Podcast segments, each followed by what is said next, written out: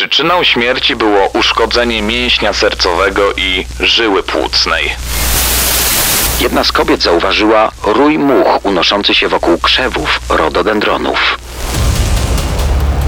Płatni zabójcy, seryjni mordercy i sceny zbrodni w RMFFM. Sceny zbrodni powracają, wszędzie hotele na majówkę są zamknięte, ale my mamy tutaj specjalne wtyki i otworzymy wam te najbardziej mroczne pokoje. Żeby było jasne, w tych hotelach nie chcielibyście się zameldować, a wśród ich klientów wielu się nie wymeldowało. Więc wy zostańcie tam, gdzie teraz jesteście i posłuchajcie podcastu pod tytułem Morderstwo w hotelu. Zapraszają Kamil Barnowski I Daniel Dyk. Daniel Dyk i Kamil Barnowski prezentują sceny zbrodni w RMFFM. To są sceny zbrodni. Dzisiaj odwiedzimy kilka hoteli. Hotele, wiadomo, stają się naszym domem poza domem, dają nam schronienie, ale gdyby te hotelowe ściany mogły mówić, No, zdecydowanie. My jednak ujawnimy kilka tych naprawdę krwawych sekretów. Nie wiem jak ty, Kamil, ale moje pierwsze skojarzenie, jakie miałem a propos morderstwo i hotel, to chyba najgłośniejsze zabójstwo w historii polskiej mafii. E, Andrzej Kolikowski, pseudonim Pershing, został przecież zamordowany na parkingu przed znanym zakopiańskim hotelem. On wracał z nart, był na wczasach, niby kodeks mafijny mówił, że na wczasach mafiozi są nietykalni. Jak to się skończyło, mówiliśmy już o tym w scenach zbrodni. Archiwalne odcinki polecamy w formie podcastu na rmfon.pl. A dzisiaj kilka mrocznych sekretów hoteli. Przyjrzymy się seryjnemu mordercy zabijającemu w amerykańskich motelach. Przedstawimy również nierozwiązaną sprawę morderstwa z 95 roku z Lublina, ale odwiedzimy też najmroczniejszy hotel w USA. A już za moment zabierzemy Was do bogatej londyńskiej dzielnicy.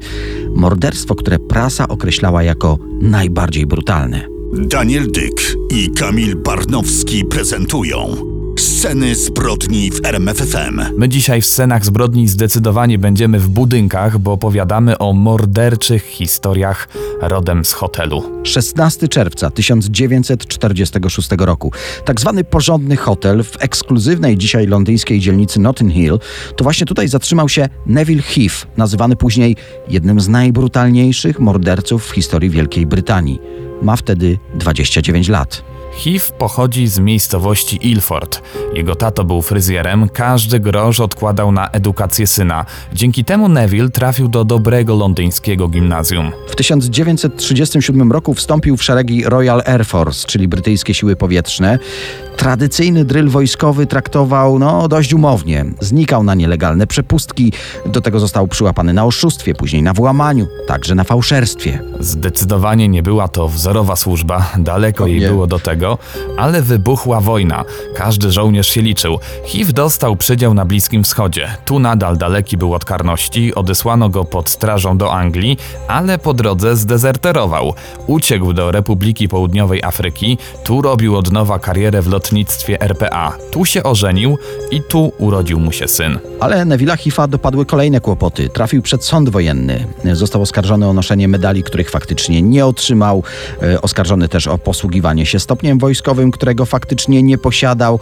A gdy wyszły na jaw fakty o dezercji, co za utrata honoru, prawda? Żona rozwiodła się z nim. Jednak latem 46 roku w hotelu Pembridge Card zameldował się z żoną. Tak ją przedstawił. Faktycznie właśnie poznał tę kobietę. To Yvonne Simons, przystojny pułkownik, bo takim stopniem tym razem się przedstawił, weteran wojenny, do tego pilot. No on zawrócił od razu kobiecie w głowie. Tak podkreślamy, że przystojny, jak to później pisała prasa, mężczyzna o anielskim obliczu. Zakochała się w nim, a on w niej. W każdym razie poprosił ją o rękę. Spędziła z nim więc upojną noc. To była niedziela, jemu coś szybko odmieniło się serce, bo już w czwartek wieczór w tym hotelu spędził z Marjorie Gardner. Margery 32 lata, tuż po przejściach, odeszła od męża alkoholika, mm, córeczka została statą. Ona zamieszkała sama, e, próbowała robić karierę w filmie. No takie życie e, współczesnej singielki, lubiła też poimprezować. No i jej zawrócił w głowie przystojny pilot. Najpierw były tańce w jednym z klubów, obsługa hotelu zapamiętała, że para dotarła do pokoju około pół północy. Półtorej godziny później głośno trzasnęły drzwi do pokoju i potem zapadła cisza. Personel opisał to wydarzenie zastępcy kierownika, który przyszedł rano na zmianę. Próbując ustalić, czy z jego gośćmi wszystko w porządku, kierownik wraz z pokojówką weszli do pokoju pary. Nevilla Hifa nie było, za to ciało Margery Garner leżało w łóżku. Było nagie, ale po samą szyję przykryte prześcieradłem. Nogi miała związane w kostkach, na rękach ślady po linie, na całym ciele ślady od mocnych uderzeń Page'a. Patolog twierdził, że została brutalnie wykorzystana przez ewidentnie seksualnego sadystę, a w końcu uduszona. Rozpoczęły się poszukiwania jej oprawcy. Ale to nie koniec tej historii. Właściwie od początku było niemal pewne, że zginęła z ręki wynajmującego pokój Neville'a Hifa. Morderstwo było tak brutalne, że nie chciano nagłaśniać sprawy w trosce o dobro hotelu i jego innych gości. A jednak prasa opisała te mroczne wydarzenia i tak cała Wielka Brytania była zbulwersowana. Artykuł przeczytała także rodzina Yvonne Simons. Mówiliśmy, że jej oświadczył się Neville dosłownie kilka dni wcześniej. Wyobraźcie sobie, że po morderstwie w hotelu przyjechał właśnie do niej i spędził w jej rodzinnym domu kilka dni. Jego przyszli teściowie byli wręcz oczarowani dzielnym podpułkownikiem. No i wtedy ten artykuł. Jednak HIV zniknął. Wyjechał do Bournemouth i pod fałszywym nazwiskiem zamieszkał w hotelu Tollard Royal. I właściwie od razu poznał tu Doreen Marshall. Miała 22 lata, przyjechała tu na rekonwalescencję po ciężkim przechorowaniu grypy. Znaleźli wspólne tematy. Ona też służyła w wojsku w czasie wojny, w kobiecej marynarce wojennej. Kilka spotkań, w końcu dała się zaprosić na kolację. Po kolacji wspólnie słuchali radia w hotelowym holu. Kobieta chciała zamówić taksówkę, ale Neville zaproponował, że ją odprowadzi do jej hotelu, w końcu to tylko kawałek. Wychodząc, powiedział portierowi, że wróci za pół godziny. Marszal ucięła jego nadzieję na romans, mówiąc, że wróci już za kwadrans. I to był ostatni raz, gdy widziano ją żywą. Poszukiwania zaczęto od sprawdzenia obu hoteli. No i wyobraźcie sobie, że Neville zgłosił się wtedy na policję, potwierdził, że dziewczyna ze zdjęcia to rzeczywiście ta, z którą zjadł kolację. Następnie jednak odprowadził ją do centrum miasta i tu się rozstali. I wtedy na komisariat przyjechał ojciec zaginionej. Neville Heath uciął z nim krótką pogawędkę, w trakcie której pan Marshall rozpoznał w nim poszukiwanego człowieka ze zdjęcia w prasie. Heath nawet zażartował, że ciągle go z nim mylą. Ale podejrzliwy mężczyzna od razu uznał, że może on mieć związek z zaginięciem jego córki. Wyobraźcie sobie, że doprowadził do przesłuchania Neville'a, który przed policjantami przyznał się, kim naprawdę jest. W jego bagażu dodatkowo odnaleziono również bicz, który pasował do ran zadanych kobiecie w londyńskim pokoju hotelowym. Został oskarżony o morderstwo. A wkrótce potem o jeszcze jedno. W trakcie spaceru z psem jedna z kobiet zauważyła rój much unoszący się wokół zarośli w centrum Bournemouth. Krzewy ukrywały potworną tajemnicę. Tak, wśród rododendronów odnaleziono ciało Doreen Marshall. Nagie, okrutnie okaleczone, ze związanymi nadgarstkami i związanymi nogami w kostkach. Rany od uderzenia w głowę, rany od noża na dłoniach. Ewidentnie broniła się przed napastnikiem. Do tego potworne rozcięcia od uda po biust. Sąd nie miał wątpliwości. Neville Heath został skazany na śmierć przez powieszenie. Przed egzekucją wypił tradycyjną szklaneczkę whisky, która przysługiwała skazanym. W pożegnalnym liście do rodziców napisał: Żałuję jedynie tego, że odchodzę z tego świata tak cholernie niegodny was. To są sceny zbrodni w RMFFM. Śledź z nami kulisy największych przestępstw. Yy, W sterach zbrodni teraz czas na tajemniczą i do tej pory nierozwiązaną sprawę z motelu Golden Keys w Atlantic City. To jest jedna z najbardziej zagadkowych zbrodni hotelowych w Stanach Zjednoczonych, a o takich zbrodniach przecież dzisiaj mówimy. W listopadzie 2006 roku dwie kobiety przechodzące obok hotelu odnalazły kobiece ciało leżące twarzą w dół. Dokładnie w rowie melioracyjnym za motelem Golden Key. Denatkę zidentyfikowano jako Kim Raffow. Wezwano policję Krótkie przeszukania okolicy zakończyły się makabrycznym odkryciem. a właściwie trzema makabrycznymi odkryciami. W tym samym rowie melioracyjnym odnaleziono jeszcze trzy kobiece ciała. Stan rozkładów wskazywał, że zginęły w różnym czasie w przeciągu ostatniego miesiąca. Nazywały się Molly Diltz i ona zginęła jako pierwsza. Kolejną zamordowaną była Barbara Brador, trzecią Ann Roberts, a ta znaleziona jako pierwsza tak naprawdę zginęła jako ostatnia. Wszystkie kobiety najprawdopodobniej zostały uduszone. Ewidentnie w okolicy grasuje seryjny morderca. Głównym podejrzanym był Terry Oleson, hotelowa złota rączka. Podejrzewano, że być może napatrzył się na kobiety korzystające z motelowych pokojów i zapragnął przeżyć z nimi to, co ich klienci. No ale nigdy nie uzyskano na to dowodów. Podejrzewano również Eldreda Burkella. Prasa nazywała go nawet Riverman, jakby skazując już od razu, że to on. On jednej z prostytutek miał rzeczywiście wyznać, że morduje ludzi, a jednak i ten trop został porzucony. Tak naprawdę w tej sprawie nie aresztowano nikogo. Śledztwo przeniosło się potem na Long Island, tam znaleziono kolejne ciała kobiet. Zostały zamordowane w podobny sposób. Uznano po prostu, że seryjny morderca zmienił obszar działalności. I wyobraźcie sobie, że te wstrząsające zabójstwa do dziś widnieją w policyjnych aktach jako niewyjaśnione. Dzisiaj w scenach zbrodni Morderstwo w hotelu, no taki tytuł tego odcinka. No i czas na mroczną historię z hotelu w Lublinie. W nocy z 23 na 24 lipca 1995 roku została tam zamordowana 29-letnia recepcjonistka Anna G. Kobieta pochodziła z Chełmna, tam poznała swojego przyszłego męża, z którym przeprowadzili się do Lublina. Piękna i młoda Anna dostała pracę w nieistniejącym, już to hotelu Oaza. Tam na piątym piętrze para zamieszkała razem ze swoją córką. Hotel generalnie nie cieszył się zbyt dobrą sławą. Przebywali w nim głównie obywatele bloku wschodniego. Do tego dodajmy częste imprezy alkoholowe, kobiety lekkich obyczajów, awantury. No mamy gotową, prawdziwą mieszankę wybuchową.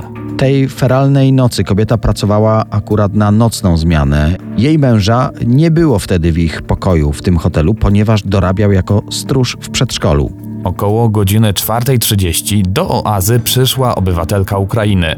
Tak jak zazwyczaj miała odebrać towar, którym potem handlowała na lokalnym targu. Jednak tego dnia nic nie wyglądało tak jak zazwyczaj. Drzwi do hotelu były otwarte, wcześniej w nocy zawsze były zamknięte, pracownicy pilnowali tego bardzo mocno. W recepcji nie ma nikogo, to też dziwne.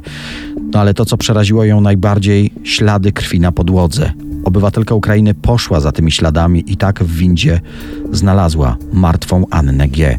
Kobieta leżała cała we krwi. W okolicach klatki piersiowej i brzucha znajdowało się wiele ran kłutych i ciętych. Przyczyną śmierci kobiety było uszkodzenie mięśnia sercowego i żyły płucnej. Ona zmarła około godziny czwartej nad ranem. Z pracy wcześniej zerwał się mąż Anny G. Twierdził, że miał jakieś takie dziwne, złe przeczucia.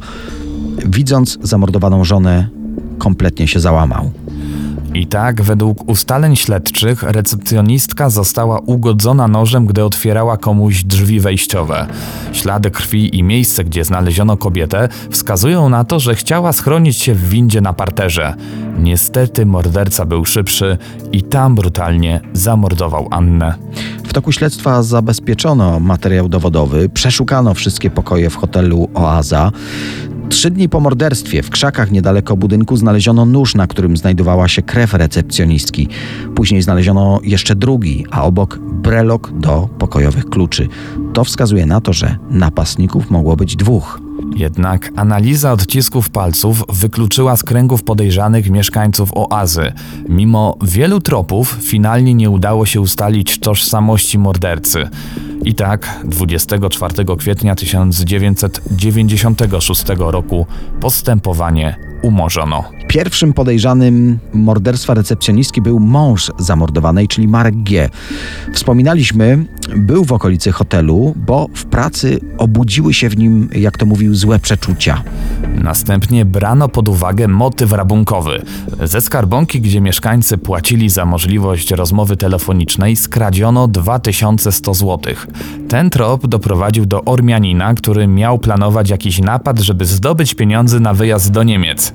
Mężczyzna przedstawił jednak bardzo wiarygodne alibi. Udało się też ustalić, że około miesiąc przed morderstwem Anny G. ktoś dobijał się w nocy do tych właśnie drzwi wejściowych do hotelu. Inna pracownica hotelu zadzwoniła na policję i wtedy awanturnik uciekł. Znów następnej nocy na recepcję zadzwonił ktoś z pogróżkami. Groził, że przyjdzie o piątej rano i poderżnie gardło. Anna G. też przed śmiercią miała otrzymywać podobne pogróżki telefoniczne. Kolejnym ważnym wątkiem są dwaj mężczyźni, którzy byli widziani koło recepcji około trzeciej nad ranem. Inni świadkowie potwierdzają tę wersję. Dostrzegli w nocy zatrzymujący się samochód i dwie osoby zmierzające w kierunku hotelu Oaza. Według Ukraińca, który przechodził obok recepcji, Anna G. była zdenerwowana wizytą tajemniczych gości. W przypadku tego morderstwa podejrzenia padały również na dwóch pacjentów zakładu psychiatrycznego, którzy uciekli z placówki w Abramowicach, mieli już na swoim koncie morderstwo. Podejrzewano również chłopaka z poprawczaka, recydywistę, który wyszedł z więzienia. Pojawił się również wątek dotyczący dwóch mieszkańców Lublina. Oni podczas imprezy alkoholowej przyznali się swoim znajomym do morderstwa recepcjonistki, lecz badania odcisków palców jednoznacznie wykluczyły taką możliwość. Najważniejszym tropem po latach wydają się jednak właśnie wspomniani dwaj mężczyźni widziani feralnej nocy przy recepcji. Później byli widziani, jak zatrzymują ciężarówkę na ulicy i odjeżdżają. Niestety nie udało się ustalić ich tożsamości. Miejmy nadzieję, że sprawa brutalnego morderstwa Anny G. wreszcie zostanie rozwiązana. Nad sprawą aktualnie pracują funkcjonariusze z Archiwum X w Lublinie. Daniel Dyk i Kamil Barnowski prezentują Sceny zbrodni w RMFFM. Teraz czas na miejsce owiane najmroczniejszą legendą. Hotel Cecil, miejsce, w którym zamieszkiwali seryjni mordercy, samobójcy. Dochodziło tutaj do zabójstw, ale wiele osób uważa, że hotel jest nawiedzony. Został oddany do użytku 20 grudnia 1924 roku, położony w centrum Los Angeles przy 640 South Main Street. Budynek ma 19 pięter, 700 pokoi i początkowo był przeznaczony dla osób w podróżach służbowych, ale tak naprawdę Plany okazały się zbyt ambitne, nic z nich nie wyszło. Okolica po prostu zaczęła słynąć z bezdomnych, z narkotyków, no generalnie miejsce, gdzie lepiej się nie zapuszczać. Więc rozpocznijmy przegląd kryminalnych lokatorów tego hotelu. Właśnie tam po raz ostatni miała być widziana czarna dalia. Zmasakrowane ciało kobiety znaleziono później porzucone obok drogi. Zdecydowanie ta sprawa to jedna z największych zagadek Hollywood. Zresztą opowiadaliśmy o tym w pierwszym odcinku Scen zbrodni. Kolejny morderczy wątek to postać Richarda Ramireza, nazywanego Nocnym Łowcą. Seryjny morderca, który na swoim koncie ma 14 zabójstw, mieszkał w tym hotelu, w hotelu Cecil w 1985 roku. Trafiłem na informację, że wynajmował pokój na ostatnim piętrze. No to kolejny niezbyt sympatyczny pan, Jack Unterweger, seryjny zabójca z Austrii, też dotarł tam. On mordował zarówno w swojej ojczyźnie, w Niemczech i w Czechach. Do Cecila przybył w 1991 roku i to właśnie tam planował kolejne zbrodnie. W USA zamordował trzy kobiety, a w sumie odebrał życie 11 osobom. Z kolei w 2013 roku cały świat obiegło nagranie z windy hotelu Cecil. Elisa Jem, studentka z Kanady, która podróżowała po Stanach Zjednoczonych, pobyt w hotelu miała zaplanowany do 31 stycznia, jednak nie wymeldowała się, a ślad po niej zaginął. Rozpoczęto więc poszukiwania. Policja opublikowała nagranie z windy, gdzie Eliza zachowuje się bardzo dziwnie. Wszystko wskazuje na to, jakby przed kimś uciekała, chciała się schować, no ale na nagraniu nie było widać innej osoby. Nagie ciało kobiety znaleziono 19 lutego w zbiorniku wodnym na dachu hotelu, prawie trzy tygodnie po nagraniu w windzie. Sekcja zwłok wykazała, że przyczyną śmierci było utonięcie. Nie znaleziono też śladów po narkotykach. Kobieta cierpiała, jak ustalono, na chorobę psychiczną, a w hotelu podobno zaczęła słyszeć głosy. Sprawa nadal analizowana jest przez dziennikarzy śledczych w Stanach Zjednoczonych. Podsumowując tragiczny bilans hotelu Cecil, odnotowano tam 18 przypadków niewyjaśnionych śmierci, wliczając w to m.in. samobójstwa i morderstwa. Zła sława tego miejsca nadal trwa. Mimo tego, że hotel zmienił nazwę, wciąż jest świadkiem niewytłumaczalnych zjawisk. No i po nagraniu, czyli możemy jak w tych hotelach spakować nasze małe walizeczki i powiedzieć do widzenia, panie portierze. No ale spokojnie, już niedługo z tych naszych małych walizeczek wypakujemy kolejny podcast, który będziecie mogli odsłuchać na stronie rmfon.pl i na tych innych platformach streamingowych, gdzie lubicie słuchać waszych ulubionych podcastów. Za dzisiaj bardzo dziękujemy. Daniel Dyk. I Kamil Barnowski, do usłyszenia. I pamiętajcie, że jeśli chcecie być wcześniej niż inni, to premierowo nasze historie przedstawiamy w radiu RMFFM w każdą niedzielę po 21. Sceny zbrodni w RMFFM.